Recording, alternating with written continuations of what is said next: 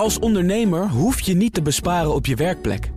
Want IKEA voor Business Netwerk biedt korting op verschillende IKEA-producten. Word gratis lid en laat je werkplek voor je werken. IKEA, een wereld aan ideeën.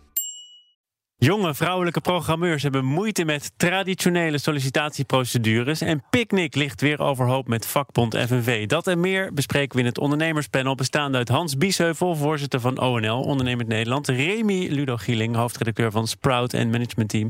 En niet te vergeten is hier ook mijn zakenpartner Connie Dorrestein, fintech-ondernemer van Bankify. Welkom allen. Ehm, en het goede nieuws is, Hans, komt weer een beetje nieuws waar we het over kunnen hebben. Het komt weer een beetje op gang. De vorige keer dat je hier was, zei je al... de eh, Tweede Kamer gaat zo lang op reces... alsof er helemaal niets gebeurt. Nou, het kabinet is in ieder geval weer voorzichtig begonnen. Nou, niet voorzichtig. Hè? Ze zijn best uh, stoer begonnen met uh, het nieuws van gisteren. We hebben toch 50 miljard wellicht in een, in een investeringsfonds. Nou, dat is nog een lange tijd niet vertoond. Het is ook nog niet vertoond overigens, nee. want het zijn plannen. Nee, maar goed. Laat me zo, ik heb de afgelopen week was ik uh, ook weer in Den Haag. kan je zeggen, de gesprekken zijn allemaal heel optimistisch hierover. Dus of het nou 50 is of 40, dat weet ik niet precies. Maar dat er een fonds komt dat men gaat investeren in de economie, nou, dat lijkt wel zeker te zijn. De vraag is natuurlijk wel een beetje, ja, wie gaat dat fonds dan beheren? Wie gaat de beslissingen nemen? Hè? Ja, is allemaal dat, uh, ik, ik, ik wij met z'n met, vieren. Maar ik zou het wel weten, zullen maar zeggen. Maar het maakt me wel wat optimistischer. Je hebt de afgelopen tijd ik veel berichten gehad over... ja, toch komt er een recessie aan, wordt het allemaal wat minder. Nou, ik denk als je dit signaal ziet, maar ook bijvoorbeeld gisteren het nieuws in het FD... Hè, dat de OESO zegt, nou, de, de, de burgers in West-Europa... gaan steeds meer merken in de portemonnee... en hun, hun dagelijkse leven dat het goed gaat met de economie. Nou, we zien het ook aan de lonen, hè, lang over gesproken. Die gaan nu toch gemiddeld 3,5% uh, omhoog... als je dit 2019 ziet. Dus ja, er komt, wordt misschien wel minder groei. Dat kan ik me best voorstellen. Ik weet het ook, Remy en ik hebben het al net al even over gehad in het vorige gesprek. Er zijn ook best wat risico's. Maar tegelijkertijd denk ik, volgens mij gaat het heel goed met Nederland. Laten we even een paar dingen noemen. Eén, hebben nog nooit zoveel mensen werk gehad als op dit moment. De overheidsfinanciën zijn na de Tweede Wereldoorlog nog nooit zo goed op orde geweest als nu. Er gaan nu wel weer 50 miljard bijkomen, eventueel. Ja, maar die wordt geleend. Hè. Die komen niet echt uit de overheidsfinanciën, uit de begroting. Uh, we hebben nog nooit zoveel kwartalen in de hele historie groei achter de rug hè, sinds de Tweede Wereldoorlog. Dus ja, er zijn ook heel veel redenen om optimistisch te zijn. En dat ben ik ook gewoon. Te, tegelijkertijd uh, zie je in Amerika dat die inverted yield curve, dat is een beetje ja. die, dat model waar, waar, waar, waar beleggers altijd maar aan vasthouden dat als de, als de lange termijn rente de korte termijn rente overstijgt, iets zeg maar omgekeerd is. Drie maanden achter elkaar, in ook nog eens een drie kwartalen echt uh, volledig volgemaakt. Dat dat altijd een indicator voor een recessie is geweest. Ja, maar de vraag is, wordt het echt een... een kijk, bij recessie denken we nog heel erg aan die vorige recessie. Hè? Ja, die, die, die grote 100 jaar uit 2008. Kijk, mijn gevoel is, maar het blijft gevoel, hè, dat er toch de afgelopen twee, drie jaar heel veel ook inhaalgroei gehad. Hè, van tien jaar daarvoor helemaal geen groei, of negatieve groei. Dat vlak nou wel best wel een beetje af, denk ik. Maar dat we echt zo in die put zakken, dat, dat kan ik me bijna niet voorstellen. Maar is dit het moment om met zo'n fonds te komen? 40 miljard, 50 miljard? Dat denk uh, ik wel. Ja. Dat en waarom is dit het moment? Nou ja, kijk, dit het moment. Kijk, je ziet gewoon dat we hebben nu die inhaalgroei achter de rug. We hebben al die banen, willen we natuurlijk graag vasthouden. Tegelijkertijd hebben we een, te maken met een vergrijzing. Een groot tekort aan de arbeidskrachten. We zien de, het spoor kan het niet meer aan. De wegen lopen weer vol. Waar willen ze eigenlijk in gaan investeren? Ik heb het eventjes uh, totaal nou ja, gemist. Da, da, daar, gaat, daar, gaat, natuurlijk nu de discussie over. Kijk, iedereen is wel over eens. Het is het moment om te investeren. Nou, je ziet dat de linkse partijen, lees even ChristenUnie D66 graag hè, herverdelen. Uh, en dat VVD en CDA wat meer willen investeren in infrastructuur bijvoorbeeld. Hè. Maar ook onderwijs wordt uh, een paar, een paar ja, maar ook hoop aantal KLM erbij. Ja, nou ja, nee, maar men denkt bijvoorbeeld aan een vliegveld op zee. Hè, dat zou oh, ja. dan een moment zijn. Of uh, hè, we gaan het spoor verdubbelen op een aantal trajecten. Nou, dat zijn natuurlijk best goede, goede impulsen, lijkt mij. Ah, oké. Okay. Dus op, die, op die manier investeren. Ja. Ik ja. denk altijd gelijk in, in bedrijf, maar het kan natuurlijk ook naar de infrastructuur. Ja, maar men denkt echt gewoon nee, aan vooral in onderwijs, precies. Ja, oké. Okay. en ik denk dat dat heel ik ben daar heel positief over, eerlijk gezegd. Remy, waar wil jij het over hebben? Uh, twee dingen als het vandaag mag, uh, Thomas. Twee dingen. Nu we toch politiek bezig zijn, zou ik zeggen twee dingen. Twee dingen, heel ja? snel. De eerste was wel tof. En uh, een van onze redacteuren die in Silicon Valley zit, Eva Schram, die was langs geweest bij Y Combinator Demo Day. Y Combinator is een beetje de broedmachine van, van snelgroeiende bedrijven in, in Silicon Valley. Komt, Airbnb komt eruit voort, Stripe, GitLab, Nederlands. Het is een van de 1,6% bedrijven die dan wordt toegelaten. Hè? Want we hebben het al ja, over. Maar voordat inderdaad. jij al binnen bent, Dus ze hebben na 20.000 uh, of 12.000 aanmeldingen per, per editie. En er worden 200 toegelaten. Dus het is heel erg. Uh, het is wel knap als je dat uiteindelijk er, erbij komt. En zij was uh, voor een artikel op Sprout gaan kijken van. Hoe gaat het er nou aan toe daar op zo'n demo day? En wie spreek je daar en wie loopt er allemaal rond? Dus ik vond het, vond het, vond het dat echt wel tof om te lezen. Een inkijkje te krijgen in, in zo'n ja, zo'n zo'n zo'n zo echt zo'n mastodont uit, uit Silicon Valley. er zijn er toch honderdduizend van, van die incubators en van die momenten waarop je elkaar. Maar... Dus waarom is deze dan zo anders? Nou, het, het, voordeel hiervan is wel dat je echt aan de, aan de, bij de crème de la crème zit. Omdat ja, een, een, een accelerator is vooral natuurlijk een netwerk van bekende ondernemers die jou verder kunnen, gaan, kunnen helpen en toegang tot dat netwerk krijgen. Je, eh, je krijgt 150.000 euro kapitaal en daarvoor moet je 7% van je aandelen uh, weggeven. Ja, ik wou zeggen, daar moet je wel wat voor weggeven. Ja. 7% is het bij, bij ze. Maar je krijgt natuurlijk wel tot, tot echt het netwerk van, van ja, de, de, de, de tech-miljardairs in, uh, in, in de Valley. Dus dat is wel. Uh, dat, was het eerste ding. het eerste, tweede, heel, kort. Dus even, even een, een, een, eigenlijk een bedankje. Na tien jaar neemt mijn zeer gewaardeerde collega en uitgever van Sprout, Erik Touwslager, afscheid om uh, aan zijn koffiebedrijf te gaan werken. Hij importeert koffie uit Colombia. Tien jaar ontzettend lang natuurlijk. En uh, vanavond is er afscheid. Maar ik wilde hem ook hier eventjes het allerbeste ja, Dat wensen. doet hij toch maar eventjes mooi, hè, Remy? Ja. ja. Connie, ik weet eigenlijk niet, hebben we niet afgesproken. Heb je ook nog eigen nieuws dat je graag uh, onder de aandacht wil brengen? Nee, ik heb, uh, ik heb mijn nieuws eigenlijk al gespaard okay, in het nou, overhypen prima. van de fintech-sector. En hij heeft, er is nog een ander onderwerp wat ik heel boeiend vind. En dat is over de vrouwen in het, in het techvak. Ja, want uh, daar gaan we over praten naar aanleiding van een uh, groot stuk in Wired, het technologie magazine. Geweldig magazine. En zij komen tot de conclusie dat jonge vrouwelijke programmeurs in de Verenigde Staten worden afgeschrikt tijdens sollicitatiegesprekken door verkeerde vragen, ongepaste opmerkingen, de behandeling die niet deugt. Eigenlijk zou je kunnen zeggen, Connie, een beeld dat uh, voldoet aan allerlei ideeën die je toch al hebt over die sector, of niet? Ja, nou ja, het, het grappige is dat Amerika aan de buitenkant... en als je er, als, zoals ik, als oudere vrouw komt... dan is het echt te politiek correct voor woorden. Zo erg dat je denkt, nou, blah, dit is het ook allemaal niet meer.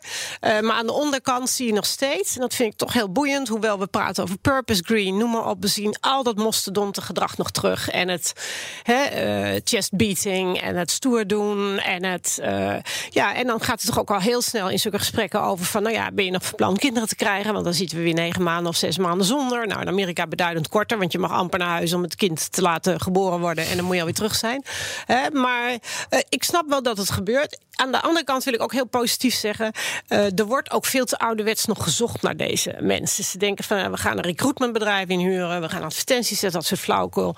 Wij hebben zelf, uh, nou ja, nu nog weer de tweede keer... maar een heel klein bedrijf. Maar wij huren met ook heel erg graag vrouwen in. De helft van onze programmeurs, dat zijn er nog niet veel... maar de helft van de programmeurs zijn vrouwen. En hoe vind je die? Daar zijn gewoon twee manieren. Die mensen die gaan die naar advertenties, die hangen op Slack... en die hangen dan allemaal hangouts jij en ik geen weet van hebben. Maar de vraag is wat er gebeurt. De vraag is wat er gebeurt als je zo iemand hebt gevonden. Hè? En Hoe gaat het sollicitatieproces dan? En dan moet je je dus totaal uit je eigen mindset zetten. En niet denken van ik ben ondernemer, ik wil equity hebben, ik wil iets moois en iets groots bouwen. Wat, ik heb er expliciet naar gevraagd bij onze dames ook. En wat willen ze? Ze willen met de coolste technologie werken.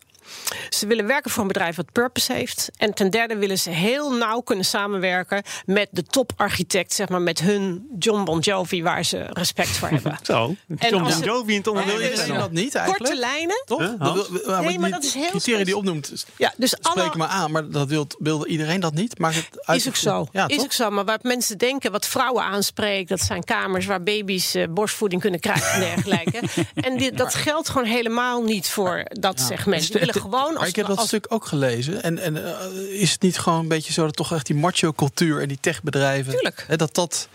Uh, nog heel erg doordringt ook ja. in dit soort gesprekken ja. en dit soort benadering van mensen. Want het is echt zo'n macho-cultuur van nou, we laten spierballen even rollen. Ja.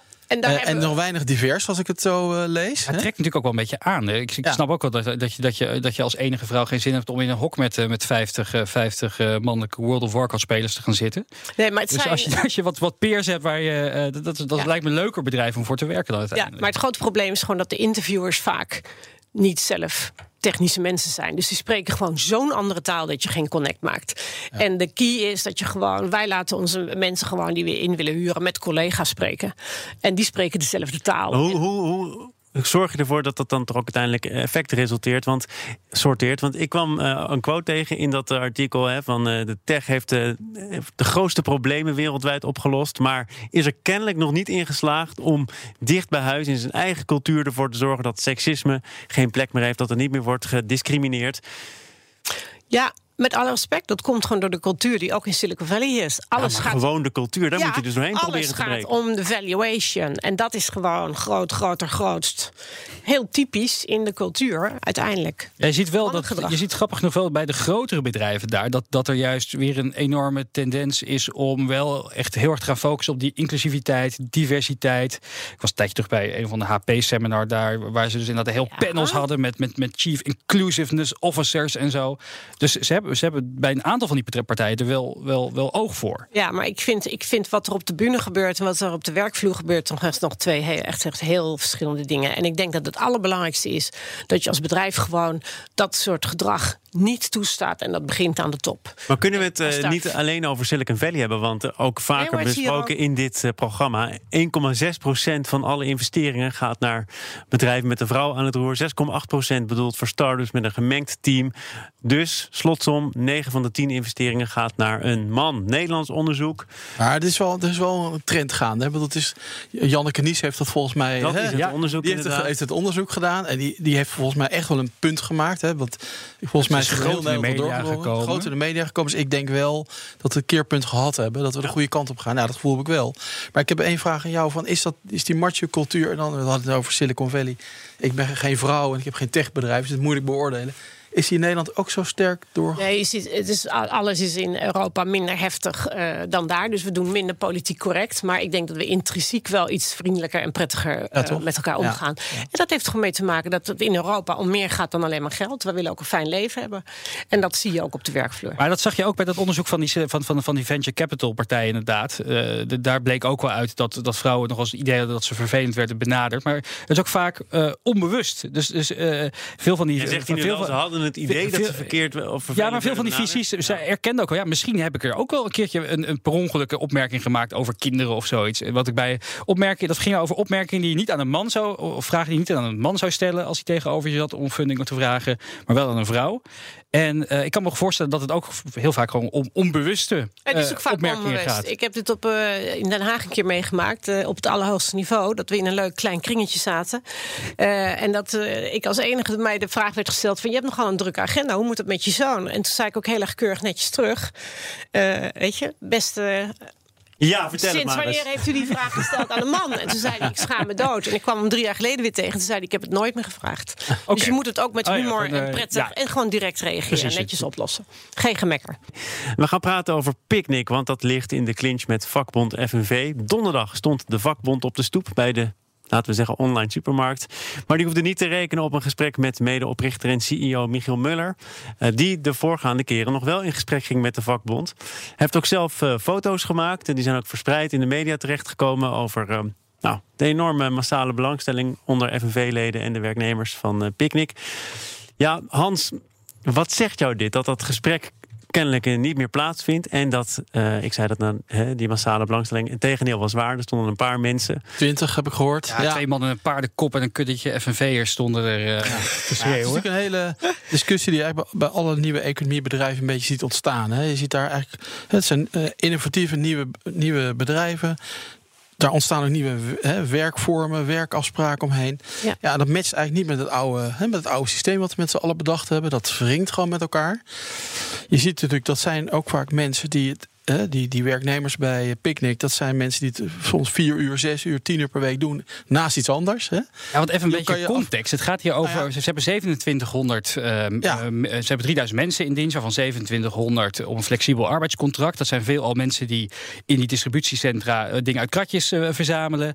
En mensen die in die kekke elektrische autootjes door de straten rijden. Over dit soort aantallen gaat overigens ook nu al het conflict. Hè? Jij zegt dat er dus 300 mensen een contract hebben. Michael Muller heeft al gezegd Dat zijn er 600, 700. Oh, 600, 700. Nou, goed, dit maar heb ik ook weer gelezen in de Maar media. deze, deze nu in. Want kijk, de FNV wil gewoon terug naar de oude tijd. Iedereen hè, een vaste baan bij een groot bedrijf het leven lang. Hè? Dat is eigenlijk het, het ideaalbeeld. Nou, ik heb ook veel van die werkbezoeken afgelegd bij veel van deze bedrijven. En als je met die medewerkers spreekt, heb ik er nog heel weinig gesproken die zeggen: Nou, ik wil een vast contract, 40 uur per week bij dit bedrijf. Omdat de meesten het er gewoon bij doen om wat bij te Er zijn verdienen. ook heel vaak gewoon studenten inderdaad. Die na, een college willen ze, willen ze een bijbaantje hebben. Maar- en die vinden het, die En vinden wat willen, wat willen de. FNV? Willen ze terug naar de oude tijd? Of Ja. zeggen ze nee, we moeten gewoon in dit land een, een, een, een balans hebben waarbij we zeggen: we gaan gewoon puur, keurig, netjes met elkaar om. Tegenover eerlijke arbeid staat eerlijke beloning en eerlijke bescherming. Maar- dat maar kan toch ook het uitgangspunt zijn? Nee, maar ik denk dat dat, dat op zichzelf helemaal geen slecht uitgangspunt is. Nee. Alleen, alleen wat, ik, waar ik zo, wat ik zo jammer vind, dat flex zo ontzettend negatief wordt bestempeld. Eh, voor mij is flex helemaal geen doel op zich. Hè, laten we dat vooropstellen. Alleen het wordt heel negatief bestempeld. En het vertrekpunt van de FNV is iedereen die vaste baan bij die ene grote werkgever. Het liefst een leven lang. Nou, dat is een illusie. Als je vanuit dat perspectief onderhandelt, kom je er niet. Dat is volgens mij ook wat Michiel Muller, Muller bedoelt met dat toneelstukje. Ja. Dat wordt niet meer de realiteit. Dat is niet de realiteit. Tegelijkertijd zeg ik wel heel eerlijk, en dat zie je bij al die bedrijven, Deliveroo, Uber, we kennen alle voorbeelden. Er ligt vast het temper, die spanning ligt daar wel heel sterk over dit onderwerp. En ik denk wel dat het tijd wordt dat we met elkaar oplossingen gaan vinden. Maar Want- Wie moet daar het voortouw dat- in nemen? nou, ik denk, nou, ik, ik, ik denk dat, die, eh, dat uiteindelijk wel die bij die bedrijven heel veel verantwoordelijkheid ligt om daar toch het voortouw in te nemen. Ik denk dat mensen niet zozeer die, die ene baan, die vaste baan willen, maar die willen gewoon natuurlijk toch een beetje zekerheid Nee, eerlijke werk en beloning, eerlijke inkomen, eerlijke beloning. Ja. Voor krijgen ze dat ook allemaal. En waar ik gewoon met mijn kop niet bij kan, is dat er, eh, volgens mij werken 99,9% van de mensen daar gewoon met veel plezier. Ik zag er een 10, misschien 20 mensen daar voor die deur staan. Ik denk dan van, we leven hier in een vrij land. Als je, het, als je het zo vervelend vindt en je zoekt een vaste baan, ga dan ergens anders. Ga dan lekker bij, bij de FNV werken of bij de Nou, gemeente. overigens vind ik wel dat je moet, moet afwegen. Steek Als ik, als ik werknemer ben van een. van- eh, van, eh, maar als ik werknemer ben van een bedrijf, hoe makkelijk is het dan om tegen datzelfde bedrijf te gaan demonstreren? De FNV zegt het feit dat er zo weinig mm, werknemers van Picnic eh, komen opdagen, komt voort uit een angstcultuur. Want je gaat niet tegenover je eigen werkgever staan te demonstreren. Nou ja, eh, je kan beter op een jobbord op zoek gaan naar, naar, een- naar werk wat je blijkbaar wel aanspreekt. Dat, dat misschien allereerst. Maar eh Picnic is een relatief klein bedrijf. Volgens mij een vrij platte, platte organisatie. Je kan, eh, kan Mi- Michiel Muller kan je op elke social media vinden. Dus als je iets tegen hem te zeggen hebt, loop eventjes bij eh Ja, nee, dat even snap aan ik. en Dat loop snap bij. Naar binnen. Het is, is niet een corporate waarbij je de eerste 20, eh, Nee. 20 deuren door moet voordat je bij eh, de secretaresse van de CEO komt. En snap ik, maar ik ben het wel ook met Hein eens dat je zegt: we, we gaan flex werken en dat is gewoon de trend en dat blijven we ook krijgen. Maar het, er moet gewoon een, een, een nette Ja, balans zijn. We willen niet terug. Kijk, we weten ook allemaal dat er uitzaaiingen zijn van dit gebeuren en dat we eigenlijk gewoon weer half slavernij aan het inrichten zijn. Dat moet gewoon niet de bedoeling zijn. Ik zeg maar het is absoluut niet dat het anders. daar. Dit, is, dit is geen Deliveroo waar mensen als, als ZZP'ers worden ingehuurd. Ze, ze hebben gewoon flexibele contracten. Met, en waar, waar wij gewoon, Ja. waar ze zelf kunnen intekenen op welke, welke dagen ze wel niet willen, willen En om een werken. landsven Ik te het- breken, die bedrijven moeten allemaal zelf overeind loonsverhoging blijven. En ze weten natuurlijk ook niet hoe hard ze groeien of niet groeien. En er staat ook niemand klaar om ze te maar, helpen. hè? maar weet je, dat dat is een van de lastige dingen van deze economie. Dat lang vooruitkijken is heel ingewikkeld geworden. dat lukt dus- niet meer. Dat past haast niet meer. Tegelijkertijd ben ik het wel mee eens. Kijk, je moet, je, we hebben wel een nieuw, nieuwe afspraken met elkaar nodig. Hoe gaan we hiermee om? Hè? Dat, dat merk je heel duidelijk. Ja. Overigens staan de mensen in een rij hoor, bij Deliveroo en, en eh thuisbezorgd. Allemaal in een rij om daar te gaan werken. Dus als het zo dramatisch was, deden ze het allemaal niet. Hè? Dus het wordt door de FNV natuurlijk wel opgepompt. Het is natuurlijk ook het verdienmodel van de FNV, laten we eerlijk zijn. Hoe meer CEO's bij grote bedrijven, hoe meer hè, hun eigen voorbestaan is. Feit dat we het er eh, nu alweer een eh, kwartier over hebben, heeft ze misschien Ja, weer twee levens. al zo lang? Ja, dan moeten we misschien een keer een einde aan maken. Maar in Nou, ieder geval. En ik, en ik vind ook dat de politiek er een einde aan moet maken. Dat we gewoon, als we het hebben over de werknemers van dit land, de mensen die het geld verdienen, dat we altijd automatisch naar de FNV kijken. Want ze vertegenwoordigen een te klein gedeelte. De rechter gaat er een einde aan maken, want die moet nog uitspraak Prima. doen over wat is nu precies eh picknick. Is dat een supermarkt of eh, moet het onder een andere CEO vallen voor de distributiecentra? Want dat is de kern volgens mij van deze zaak. Eh, daar wordt een uitspraak in gedaan. Ehm, wij gaan het over iets anders hebben, namelijk een Nederlands bedrijf dat het eh, goed doet. WeTransfer eh, heeft deze week 35 miljoen opgehaald. Remy, het is een bedrijf dat jij eh, al tijden volgt, waar je ook stukken over schrijft. Ja, Ehm, wat betekent dit voor WeTransfer? Nou, WeTransfer is een organisatie. Is, een van, ja, we hebben echt wel een, een, een pareltje van, eh, van, van uh, Nederland scale-up landschap eigenlijk. Ja. Ooit opgericht door Bas Berens en, en Nalden. als, als gewoon een dienst echt voortgekomen uit een, uit, een, uit een eigen ergernis. Ze moesten grote bestanden naar elkaar sturen. En elke keer hadden, moesten ze. Want ze kwamen uit de creatieve industrie. Hè, dan heb je een filmpje, dat is een paar honderd MB. En dan, dan, dan moesten ze dat via mail doen. Dat ging maar niet. Dus hebben ze WeTransfer opgericht. Kan je gratis grote bestanden mee versturen. En inmiddels wordt het over de hele wereld uh, gebruikt. Uh, ze hebben kantoren in Amerika, in, in Nederland. En uh, ze hebben jaren geleden ook al eens een keer gepubliceerd dat ze echt voor, voor, voor, voor, voor zes middenklassers aan data elke maand bij Amazon moesten, moesten aanschaffen. Om maar die, die gratis, voor ons gratis bestanden te, te, te, te, te hosten.